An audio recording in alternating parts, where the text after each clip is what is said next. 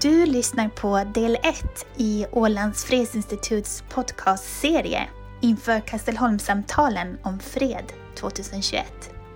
Temat är att skapa fred, möten, medlaren och freden. Dagens podd presenteras i samarbete med Ålands landskapsregering och Åland 100.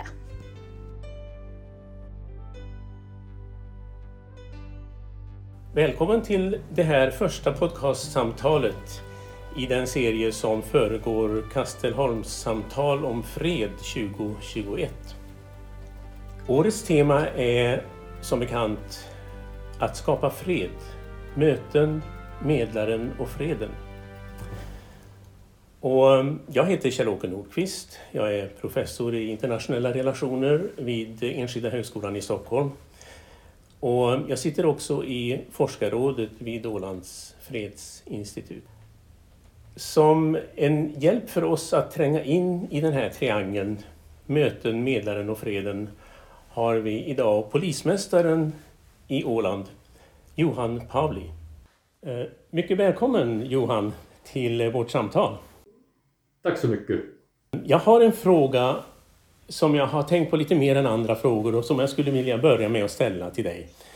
Um, utifrån den erfarenhet som du har, du är inte bara polis som jag säger så, med nationell erfarenhet, utan du har arbetat internationellt i, i den finländska FN-bataljonen i Mellanöstern och, och, i Kosovo vad jag förstår. Ja. Och um, när, man, när man har den erfarenheten och ser på världen som den ser ut, um, vilken insats för fred skulle du då säga är mest angelägen idag? Utifrån din profession. Får jag börja så? Jösses vilken fråga du ställer. jag måste ju säga så här att, att, det där, att eh, jag har varit, varit i Mellanöstern eh, en gång och två varv på Balkan och, och det var jag kanske liksom mest hämtat med mig från, från de här olika operationerna, det är ett samarbete. Det finns liksom vi behövs många, man behöver många olika aktörer för att, för att få något stort att fungera och bygga framåt, bygga fred, bygga framtidshopp, bygga ro. Jag har fått jobba i, den, i, i de organisationer som tryggar freden för att möjliggöra att andra organisationer och kan bygga upp samhället och skapa samhället. Det, det är nog liksom ett spel tillsammans och med pågående pandemi och så, så kan man ju väl bara vara liksom oerhört lycklig och glad att man lever i samhällen där, där, det där, där, där samhället trots allt fungerar och där myndigheter stöder varandra liksom och, och det är inte så att man tänker att en myndighet eller en funktion är det som håller samhället uppe utan tillsammans bildar olika funktioner en helhet som fungerar. Det, det är nog liksom, jag kan inte hitta liksom det, det är min spontana så här liksom stor tacksamhet för de som har byggt samhället före oss, att, liksom, att helheten fungerar och att myndigheter samarbetar. Det där är ju någonting som, som jag gissar att du såg väldigt tydligt i, inom ramen för FN-insatsen. Att, att det är så många pusselbitar som behöver till för att helheten ska bli stabil och någorlunda säker, kan jag tänka mig ja, man kan speciellt på, på Balkan, där var ju liksom eh, där byggdes civilsamhället eh, liksom kraftigt och tydligt nära att, att det här Mellanöstern var ett klassiskt fredsbevarande mellan två stridande partner medan sen Balkan var mera, mera säkerhetsstyrkorna möjliggjorde att, att liksom de andra elementen kan, kan bygga samhället och man kan bygga politiska processer och, och börja utveckla samhället den vägen. Där såg man tydligt hur, hur, hur mycket det fanns av olika aktörer och hur, hur viktigt det är att olika aktörer samarbetar och hjälper, hjälper varandra att lyckas. Det är så kanske en självklarhet i vårt samhälle som vi inte ser här hemma i Norden att bakom kulisserna så samarbetar myndigheter alla dagar och man liksom hjälper varandra att komma framåt och har problem och naturligt så löser man dem. Och det måste byggas där nere. Alltså, det, det sägs ju allmänt sett att vi har färre och färre krig mellan stater och att de flesta väpnade konflikter idag är inbördeskrig. Och, och det betyder ju då att konflikterna hamnar på torgen, de hamnar på gatorna, de hamnar mellan människor som, som eh, har olika uppfattningar. Och ju, ju, närmare människorna man kommer, tänker jag, desto närmare ett, en polisiär uppgift kommer man också. Eh, och jag funderar på om man kan säga så som en generell utveckling att, att ja, så fragmenterade som många samhällen idag är och så, så mycket våld och konflikter som finns på, på låg nivå så att säga, eh, desto, vad ska jag säga, lite enkelt, desto jobbigare måste det vara att vara polis i de miljöerna. Så att säga. Skulle du hålla med om ett sådant sätt att resonera?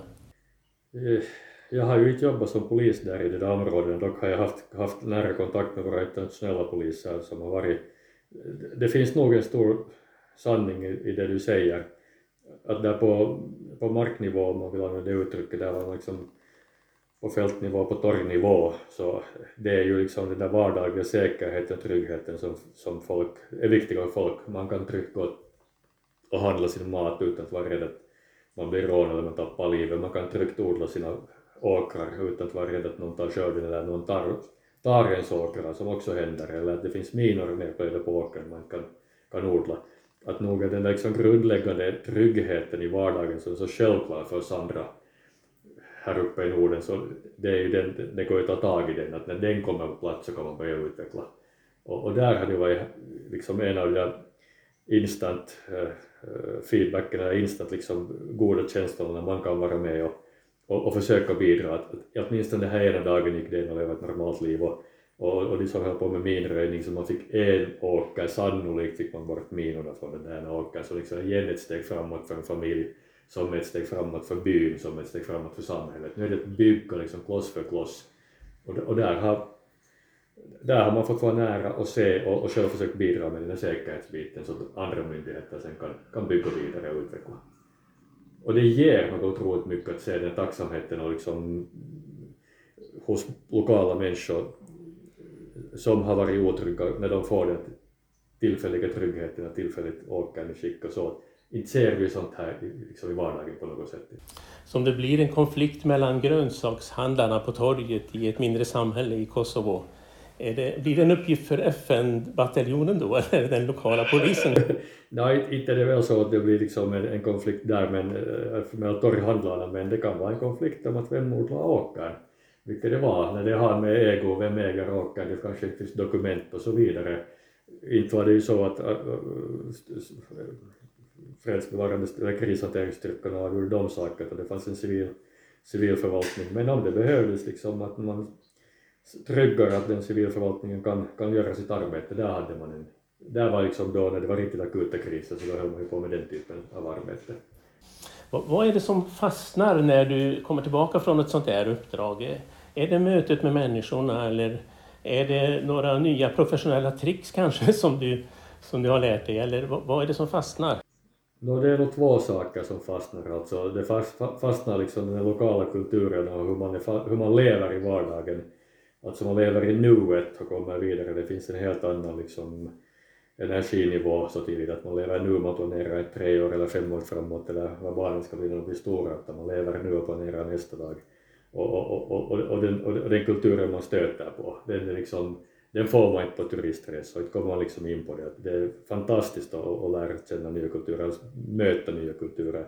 Och sen är nog andra den där gemenskapen bland de som åker iväg Alltså man, man bildar livslånga vänskapsband och har sådana erfarenheter som binder ihop som man inte får någon annanstans. Att där är det två liksom saker som, är, som man kan bli hooked på, så att säga.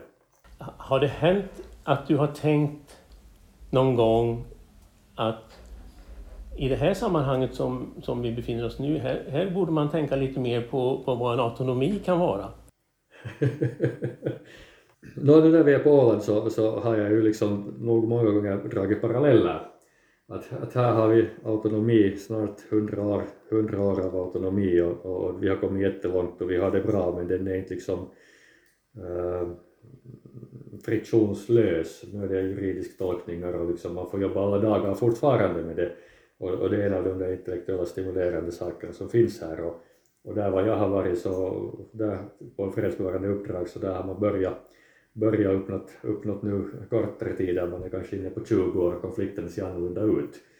Att, uh, nu har jag tänkt emellanåt att hur många det ska se ut där om 100 år och okej, okay, Kosovo är självständig stat i dagens läge så det är en annan sak, men det finns oberoende liksom, friktion säkerligen i området fortfarande en hel del, inte bara kanske mellan språkgrupper utan också, också mellan vilka är de där strukturerna som gäller och vilka gäller inte. Att, att, eh, på samma sätt som i, i många andra samhällen så det finns officiella strukturer och det finns inofficiella strukturer. Att det, det kan bara vara fråga om ett bysamhälle, att det finns en kommunalpolitik och så finns det starka människor i samhället. Liksom. Det finns alltid lite friktion.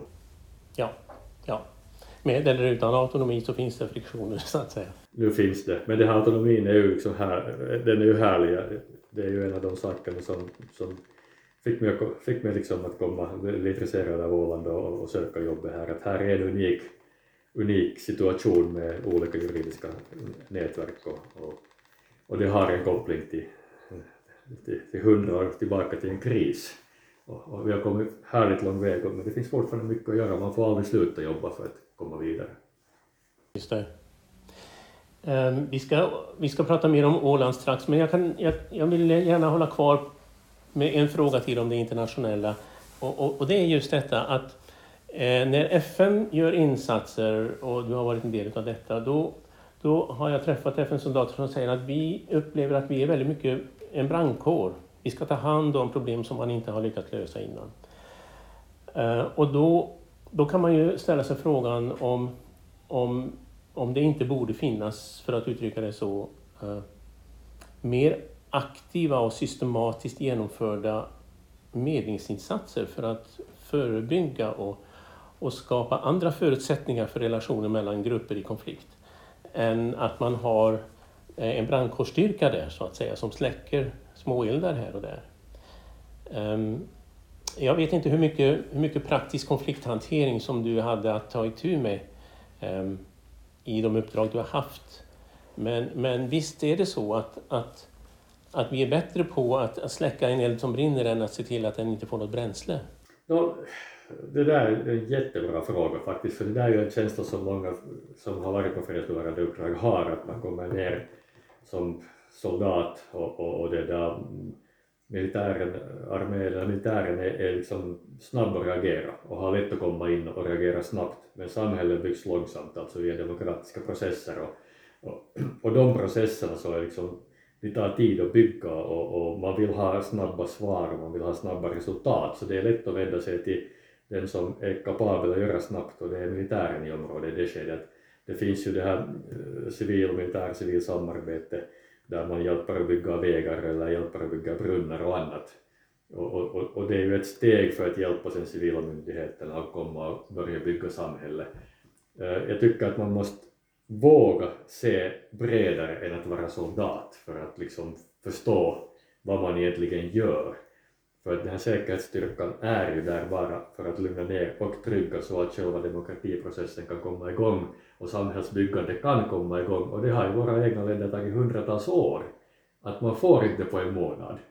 Är det så att det finns i, i din utbildning som polis eller, eller kanske inom FN utbildningen också eh, en, en konflikthanteringskomponent som, som är icke-militär så att säga, eller inte våldsbaserad? Ja, alltså polisen är ju en konfliktlösare. Alla uppdrag nästan är konflikter. Och, och, och sen inom fredsbevarande utbildningen så eh, finns det, åtminstone i Finland då när jag åkte ut så eh, fanns det konflikthantering och, och sen lite skräddarsytt beroende på vilken kultur man, vilket område man åker till så man kan beakta liksom kulturella särdrag och, och ta i beaktande så gott man kan. Sen lär man sig på området. Så att det finns nog inbyggt där. Men jag tycker att det är oerhört viktigt att liksom vara medveten om mandatet, vad ska man göra, vad får man göra, vad får man inte göra. Det är liksom, för man har bara en roll, man kommer inte att lösa allt, utan man kommer att sköta en liten del. Och sen man vågar se att det finns liksom större, och man måste våga också som, som när man kommer i en organisation som som är väldigt handlingskraftig och, och har därför också till lokalbefolkningen har hård tillit, stark tillit att det är en handlingskraftig organisation kan ni komma och lösa det. Alltså, man måste våga också liksom se att den där civila komponenten, den, den kanske misslyckas tre, fyra gånger för att komma framåt, men så är det i vårt eget samhälle också. Inte är ju liksom vår kommunalbeslutsfattare eller riksbeslutsfattare, inte går ju alla beslut i mål på en gång så det är jätteenkelt, eller liksom, man tar ett nytt beslut så tar man ett nytt beslut. Och, och här liksom skulle jag utmana nog fredsbevarare att titta liksom bredare samhällsbyggande och inte bara på den där rollen man har. Då tror jag att man skulle få mycket mer ut, för man blir utav liksom uppdraget, man kan ju bli lite frustrerad att det inte händer någonting, det ser ut att det inte händer någonting på ett år eller två år, men sen om man drar parallellen till eget samhälle så kanske inte den där egna närskolan utvecklas på ett år eller två år, eller kanske ett lokala köpcentrum fick sin generalplan på ett eller två år heller i skick liksom att sätta förväntningarna i förhållande till att det tar tid hemma också. För att avrunda det där med medling, skulle du säga att det är en, en, en profession som övergår till en konstart så småningom när man blir erfaren, eller? ja, jag vet inte. Man brukar skämta med bekanta, vi brukar skämta det är en sjukdom som kommer tillbaka, att åker man en gång ner så vill man åka på nytt. För det ger så mycket att vara där i, liksom fast i det där nuet och den där energin och, och det att man känner att man lever alla dagar. Plus att man, man lever en ny dag alla dagar, kanske åt det hållet. Att här i vårt trygga samhälle så är den ena dagen lik den andra men där varierar det från dag till dag. Att det är kanske är den där variationen sen finns det ju de som åker in på banan och, och håller på hela livet med, med den här typen av uppdrag. Kan man säga nu, för att återvända till Åland, att, att den ena dagen är inte den andra lik på Åland också under pandemin? Det kan man nog säga. ja, ingen eh, statistiskt mätbar skillnad så att säga. Inga färre krogslagsmål eller inga, vad vet jag? Ja, liksom operativt, om vi tittar på polisen på Åland så Åland är ett litet samhälle, 30 000 invånare cirka, det finns liksom en viss mängd händelser. Och så finns det fluktuation och den där fluktuationen är säsongsbetonad eller individbetonad och, och så, men det som liksom gör kanske att dagen, ingen dag är riktigt lik är det att i takt med att smittan går upp eller ner så reagerar man.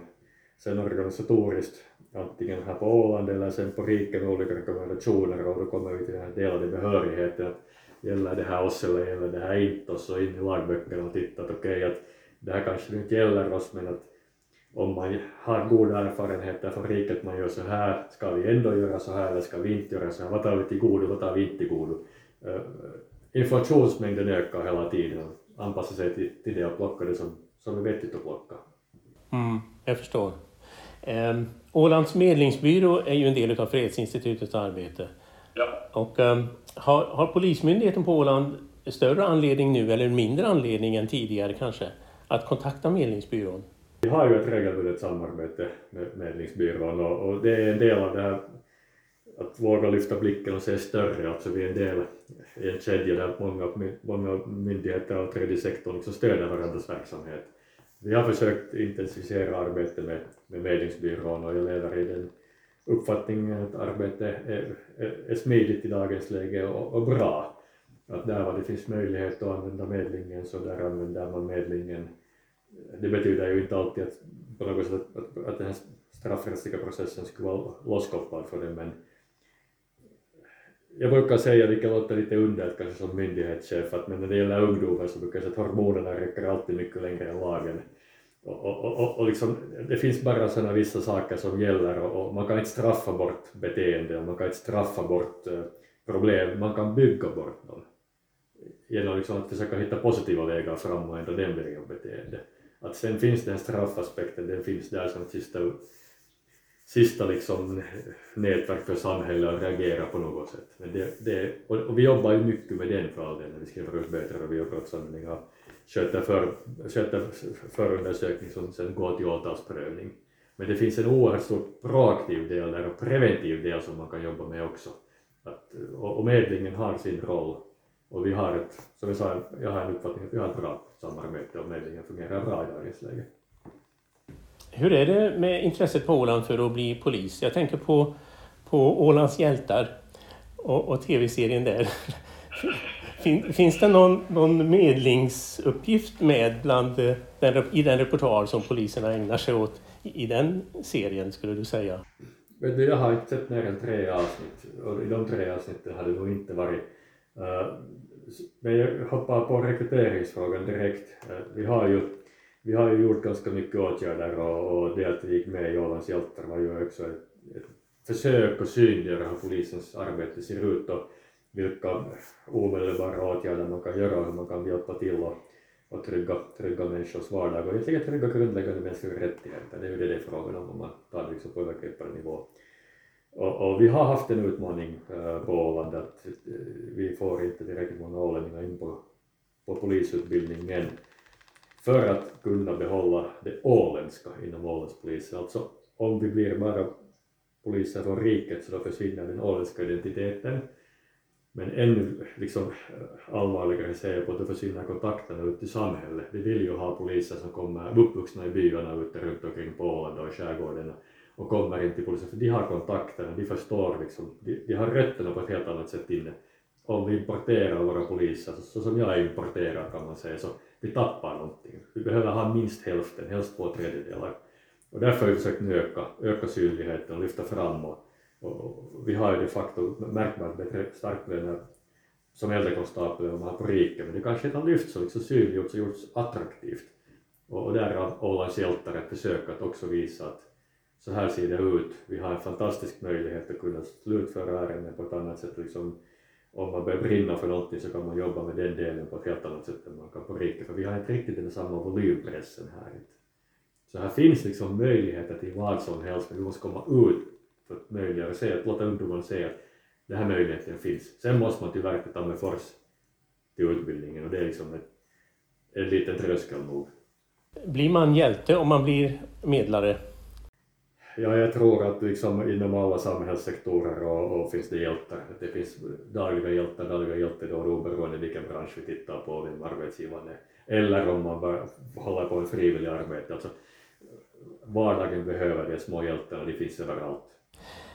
Du Johan, jag tycker det låter som ett utomordentligt avslutande ord på, på vårt väldigt innehållsrika samtal. Eh, tack för det. Tack för att du kom och, och spenderade den här halvtimmen med oss. Tack så mycket att jag fick komma. Tack. Nästa vecka är vi tillbaka igen med del två i podcastserien. Tack så länge och på återhörande då.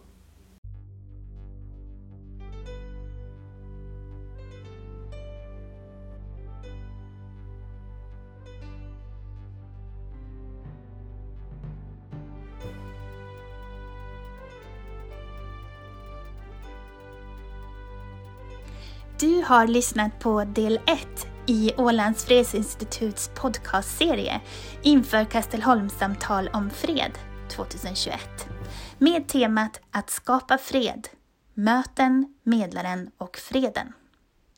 Dagens podd presenterades i samarbete med Ålands landskapsregering och Åland 100. Missa inte heller årets slottssamtal online den 29 mars där samtalets beskyddare, president Tarja Hallonen, kommer att samtala med Jan Eliasson och Björn Wikström. Mer information finns på peace.ax. Del två i podcastserien kommer nästa vecka. Tack för att du lyssnade.